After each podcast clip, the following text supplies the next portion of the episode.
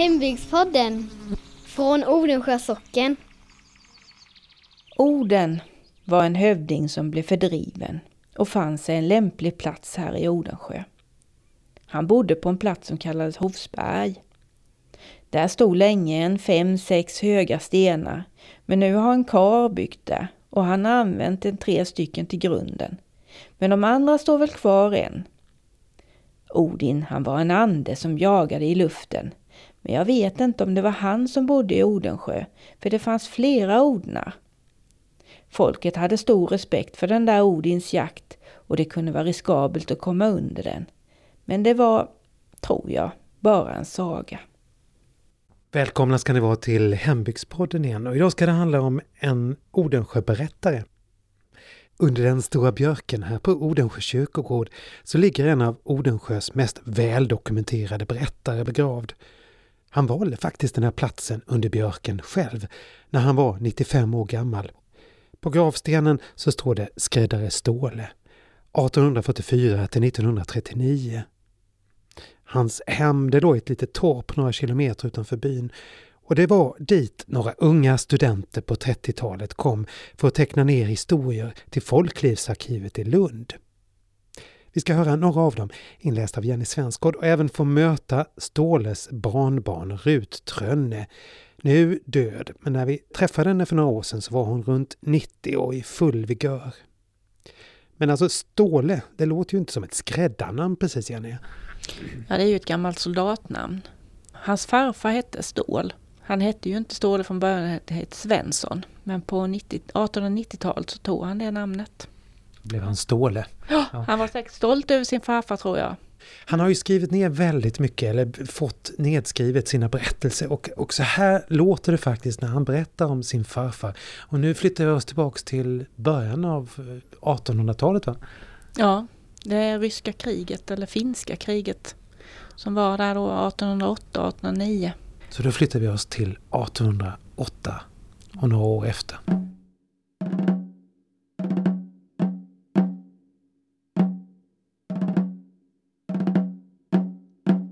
Min farfar heter Stål och var knäckt och bodde i Sävsås i Unnaryds socken. Han blev utkommenderad i krig mot Ryssland och där blev han tillfångatagen och fick sitta fången i elva år innan han lyckades rymma. En kväll kom han hemluffandes till Sävsås, men då hade kärringen hans blivit blind. Han knackade på. Vem är I? frågade kärringen. En gammal knäkt som vill ha rum över natten. Nej, det går inte här. Jag är en gammal blind knäktänka och kan inte ta emot någon, men gå fram till byn så får han nog ligga där. Vad är er man? Han är död för många år sedan. Han kom ut i kriget och sen kom han aldrig tillbaka. Ja, men släpp in mig. Jag kanske känner er man. För jag har varit ute i samma krig som han, så jag kan kanske berätta något om honom. Nej, hon var putig och ville inte släppa in honom. Och till sist så sa han, jag är er man. Nej, det är då omöjligt. Det är det inte. Här har du din gamle gubbe. Och så talar han om sina äventyr. Och det blev som ni kan förstå en stor överraskning. Jag kom ihåg gubben. Han var hemma hos oss i Björkelund. Och då ställde han mig mellan sina knän. Jag var bara en liten byting. Och så gav han mig råd för livet. Men det var inga goda förmaningar. Väx upp, sa han, och bli en humörisk kar, stor och stark, och låt ingen göra dig något förnär. Om någon slår dig så stryk till honom på käften. Du ska inte vara rädd för något, för det finns ingenting att vara rädd för. Det kommer jag fortfarande ihåg. Sen dog gubben och jag var med på begravningen. Men då var jag bara en liten pojkaslugg. Knäktarna var samlade och saluterade och när jordfästningen var över så trädde befälet fram och hade folket att flytta på sig.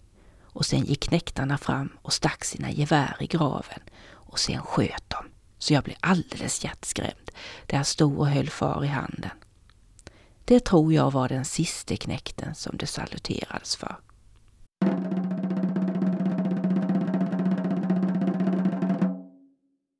Den sista knäckta begravningen var det alltså? Ja, ja det måste ju varit häftigt. Och, och sköt rakt ner i graven alltså? Ja, jag förstår ju att han blev rädd. Men du, om man skulle beskriva Ståle då, skräddare Ståle. För det första, han bodde i närheten här. Alltså det var, det var ju Knäcktorp, eller ett soldattorp som låg under Björkenäs. Så torpet hette Björkelund. Men nu kallar vi det för Stålatorpet. Ja, det är Ståle har ju fått sätta namn på det.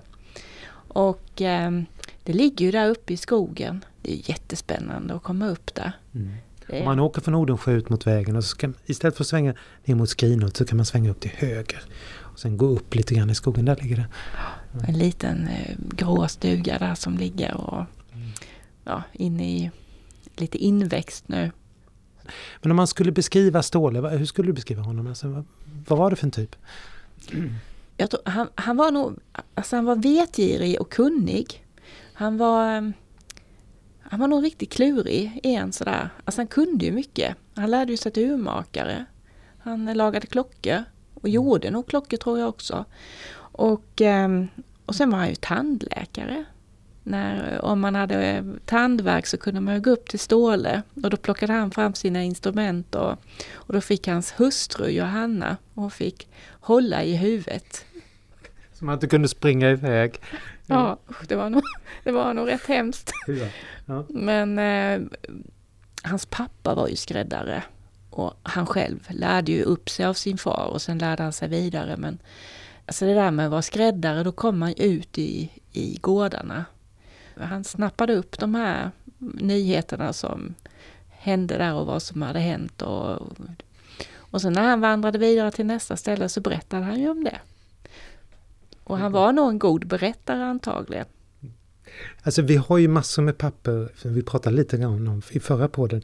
Alltså nedskrivningar av hans texter, det är inte lite alltså. Hur kommer det sig att vi har, det finns så jädra mycket alltså? Ja, det var ju de här folklivsforskarna nerifrån Lund, de här två killarna. Mm. Som eh, åkte ut hit och berättade, eller och skrev ner berättelser.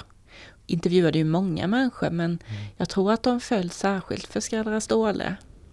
Och måste suttit där alltså eh, många dagar. Och man kan ju inte förstå hur de bara hann med och hur de fick till det här och med dialekten och alltså de har ju skrivit det så himla bra. Det är ju nästan så att man hör Ståle mm. när man läser det. Vi lyssnar på något innan vi lyssnar på Rut.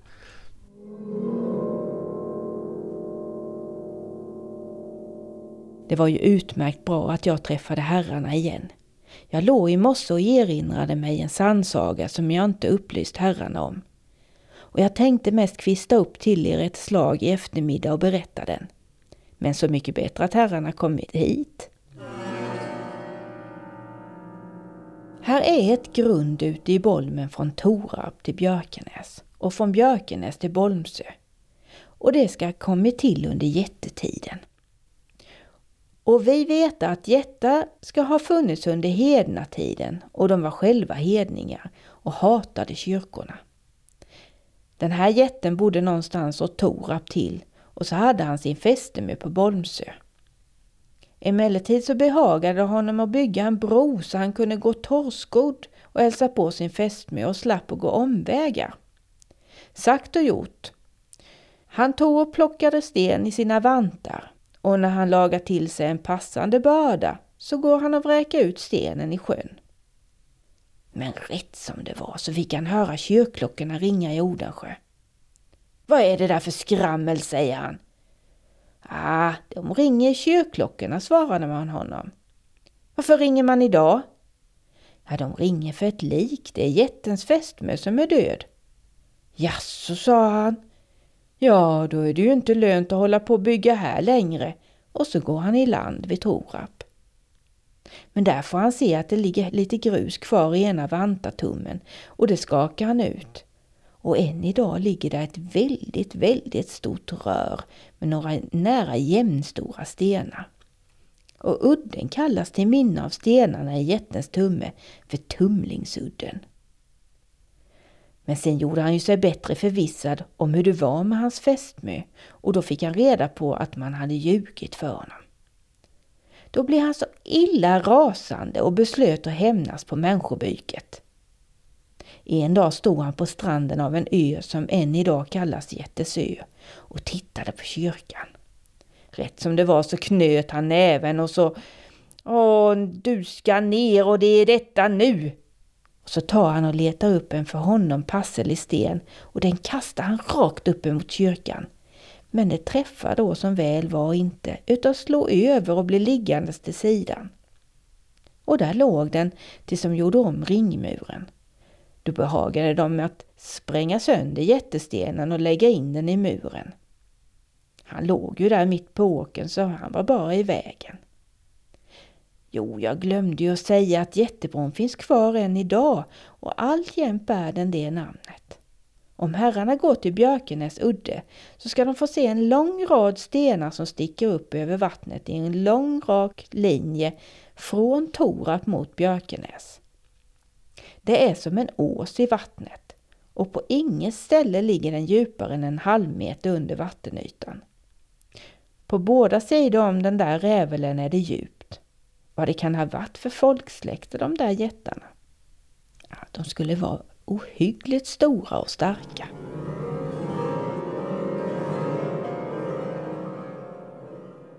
Vi, vi ska lyssna på fler berättelser av Ståle som, som du har läst in här och vi ska också nu få träffa hans barnbarn Rut Trönne som eh, bodde i Halmstad som vi hann träffa för några år sedan. Nu är hon död men hon berättade levande om sin morfar som hon besökte ofta i Ståletorpet här.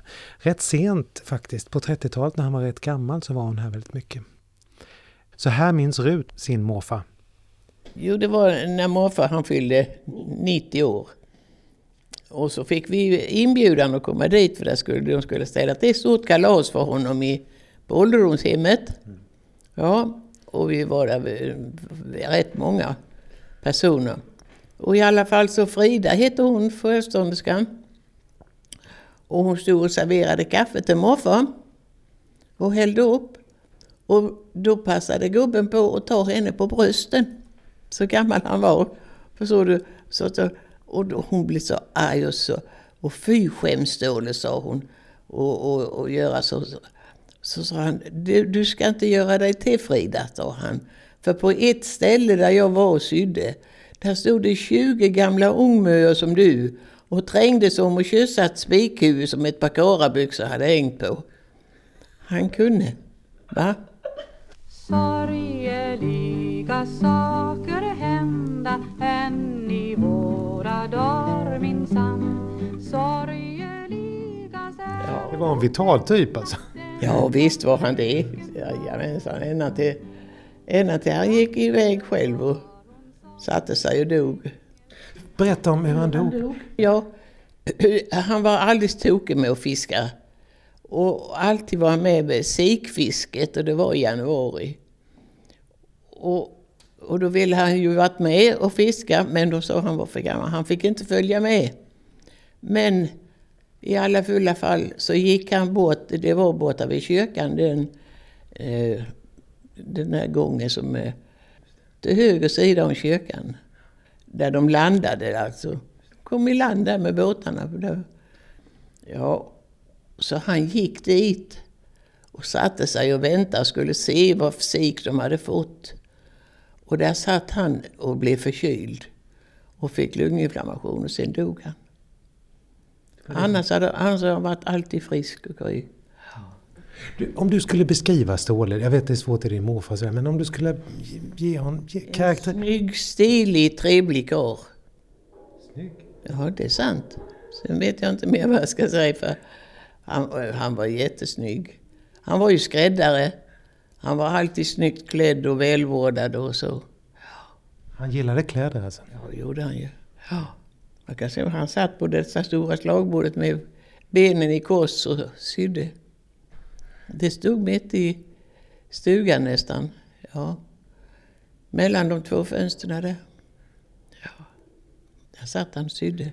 Men eh, sen var han ju... De kom och hämtade honom så han var i en vecka nästan i varje by. Så han var ju egentligen eh, tidningen istället för en tidning. För du vet att det han hörde i den byn, där satt han ju en vecka. Då sydde han ju till exempel kappa åt frun och, och konfirmationskläder åt uh, unga och sånt. Och så när den veckan var slut Så kom de och hämtade honom så körde han till nästa vecka i en annan by. Och så det han hade hört i den byn, det talade han ju om i den byn. Och sen gick det vidare till nästa by. Så la han ju till lite klart också. Det gjorde han ju. Det kunde hända. Alltså. Ja. Men han var en vecka på varje ställe där han fick bo då? Ja, de hämtade honom. De kom, kom eh, och tog både symaskinen och, och tyger och allting. Så, eh, och det var ju många i byn som, det var ju bara, det var inte bara en familj utan det, det var ju flera i byn som passade på då den veckan att få sytt. Det var inte gott om skräddare. Och det fanns ju inget att köpa färdigt ju. Ja.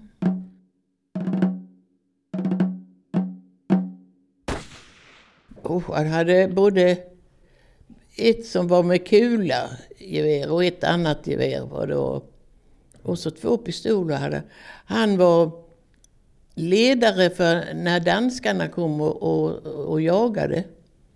Så fick han, eh, var han ledare för dem, var de skulle gå någonstans och jaga och sånt. Så var, det, var det fanns villebråd eller liksom? så. Och sen är det det att han brydde sig ju inte om några jakttider utan när det kom en ett rådjur så sköt han.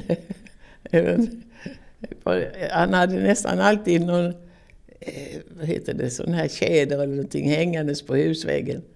För han sköt när det passade honom. Vad sa folk om det då?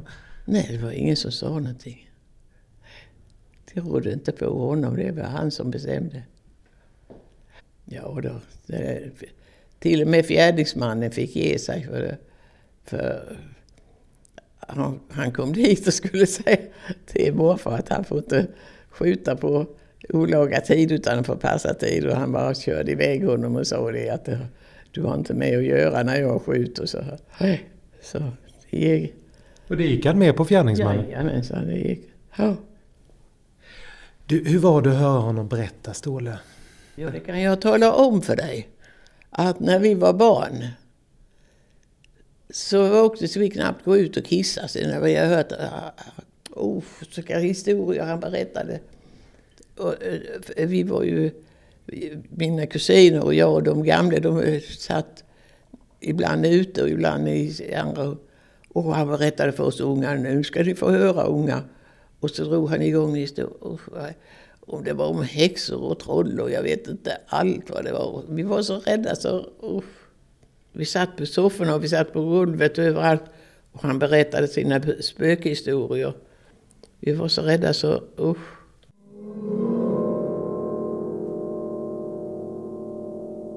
När jag var skräddarpojk så fick jag höra många historier. På kvällarna satt man och berättade så man blev mörkrädd.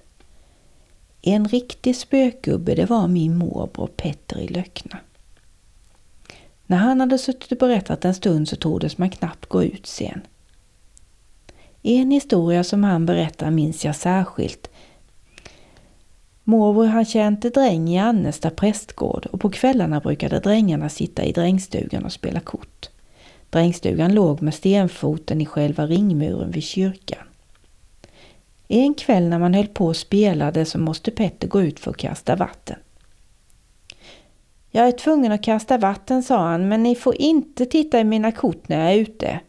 Och det lovade man. Han gick ut. Men så litade han inte riktigt på dem så han gick fram till fönstret för att titta in. Och då fick han se en stor svart hund som låg under bordet. Och när han andades så frustade han eld ur halsen. Och när någon slog en hand i bordet och när någon svor, då slickade hunden den personen som gjorde det på handen. Och om någon tittade i Petters kort, då la hunden upp framfötterna på han. När Petter kom in till drängarna igen så sa han Nu spelas inte ett kort mer. Vi har fler här inne som vi inte vet om. Och så talade han om vad han hade sett. Och från den stunden så smakade Petter aldrig en droppe brännvin och han spelade aldrig kort mer. Han blir religiös sen, Petter.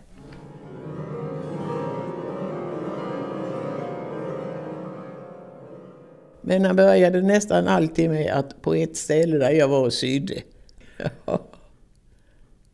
Eh, eh, mormor, säga, hon flyttade. Det var så att eh, deras äldste son, han var, han var, var en fin karl. Han var skrivare på Slottsmällan.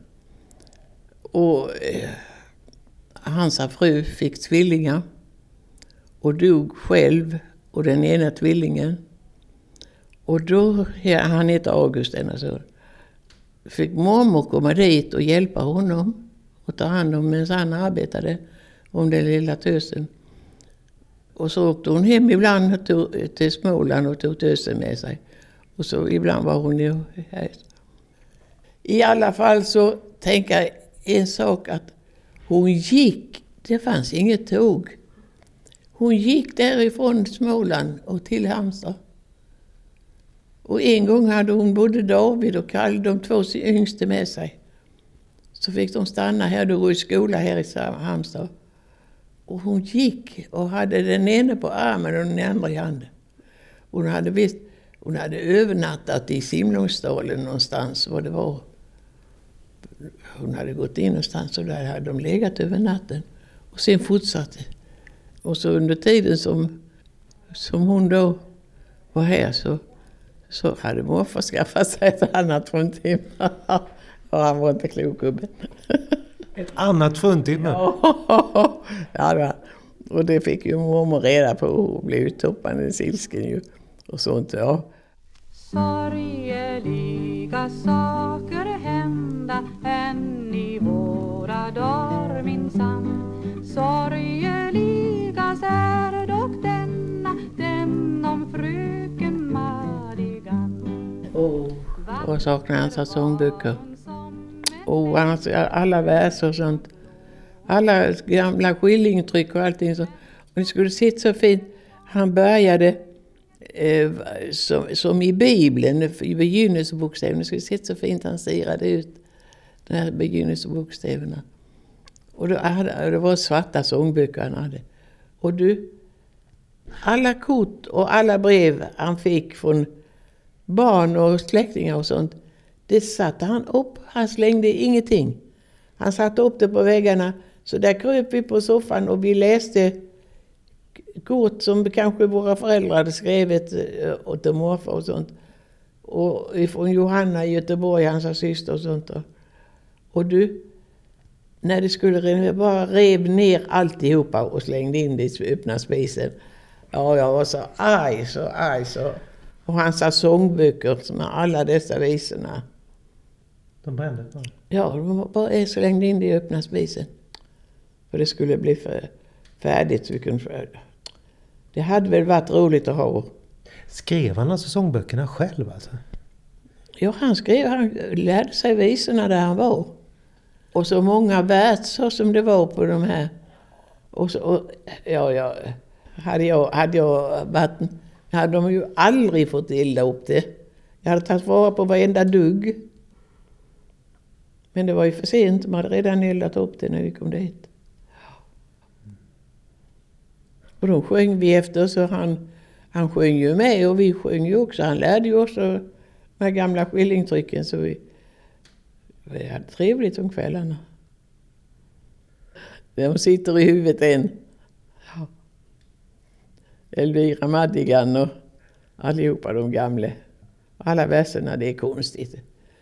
Smärt om livet som en stängel men hon fick en grymmare död när hon dansade När han bodde, för han bodde, han bodde ensam där på slutet. eh, Ja, just just det. var hans föräldrahem.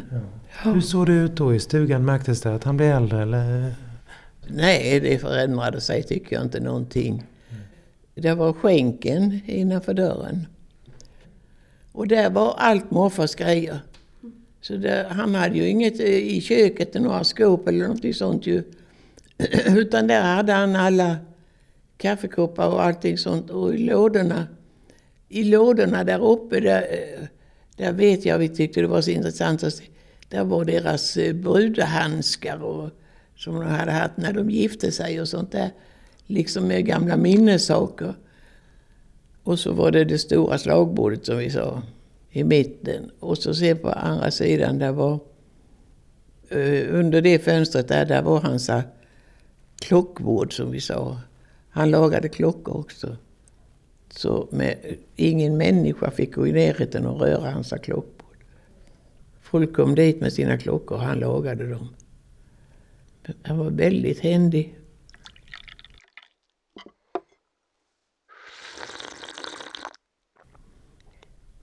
Jag kan se honom. Mustaschen doppade i. Och så, och så hade han häll, eh, kaffet på fatet och så, och så, och så sörplade han och drack på fatet. Så han drack inte direkt ur koppen. Och så hade han små ler, lerfat, eh, bruna lerfat. Så hällde han mjölk i, i, i dem. Och satte han ner det i matkällan. Så fick det stå där, det kanske stod flera dagar. Jag kan se när han kommer det. Så var, bara, det var fullt av mögel. Och han bara blåste han. Sen tog han skeden och åt.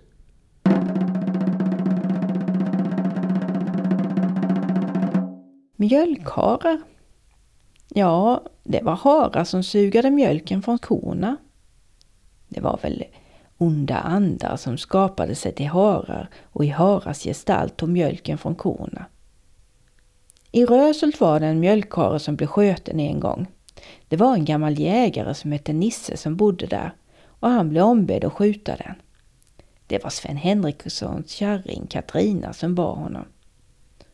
Hördu Nisse, gack upp en morgon tidigt och skjut mjölkharen som jag har ont av. Ja, det blir nog inte så lätt. Tror du inte det går? Det står inte till för oss att vi inte får någon mjölk. Ja, jag ska väl gå upp då och se om det är någon. Och Nisse han gick upp till platsen där hören hade varit synlig. Katrina hade pekat ut den för honom och han var där vid den tiden som hon uppgav. Och mycket riktigt, det kom en hare nickandes. Nisse han la an och sköt, men likväl så gick skottet av så bet inte på haren. När han kom tillbaka så frågade Katrina hur det hade gått. Ja, jag sköt men haren sprang då likare sen skottet hade gått. Ja, det var då ynkligt. Kan du inte göra något åt det? Jag har ju ingen nytta av mina kreatur. Ja, jag ska försöka då en gång till. Finns det något gammalt ärvdasilver från tredje led? Ja, det tror jag nog. Ja, låt mig få lite av det så ska jag försöka. Så kärringen gick efter något silver, vad det nu var, från både tredje och fjärde led. Och Nisse han skavde av lite av det och la i när han laddade bössan. Sen gick han upp vid samma tid och plats och haren kommer precis som förut. Då lägger Nisse han, skottet går och nu föll haren. Men när Nisse skulle gå fram och ta reda på haren, då var där bara tre stickebitar med några blodsdroppar på. Så det var nog en mjölkkare. Och det ska i alla fall inte vara någon lögnhistoria det här. Kärringen bekräftade det själv när jag var där och sydde.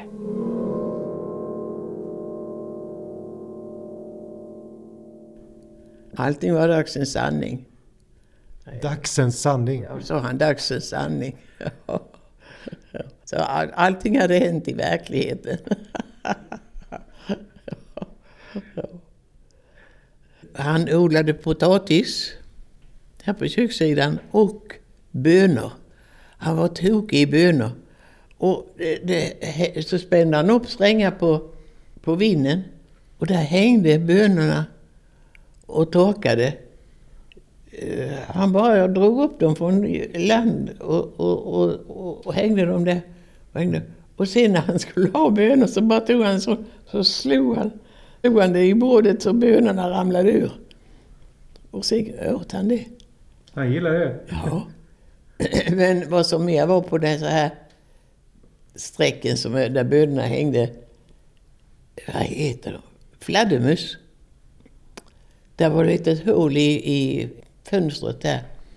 Och alldeles fullt med fladdermöss satt där på och vi var livrädda för Usch, ja det var hemska. Det har du sett fladdermöss någon gång? Usch. De är fullt med sånt på bönesträngarna. Hur var det att besöka morfar? Sådär, vad, hur var det att komma dit? Det var alltid roligt. Ja, det var det. Han hade alltid, alltid något att berätta historier. Och det är klart att man, en del var kanske sant.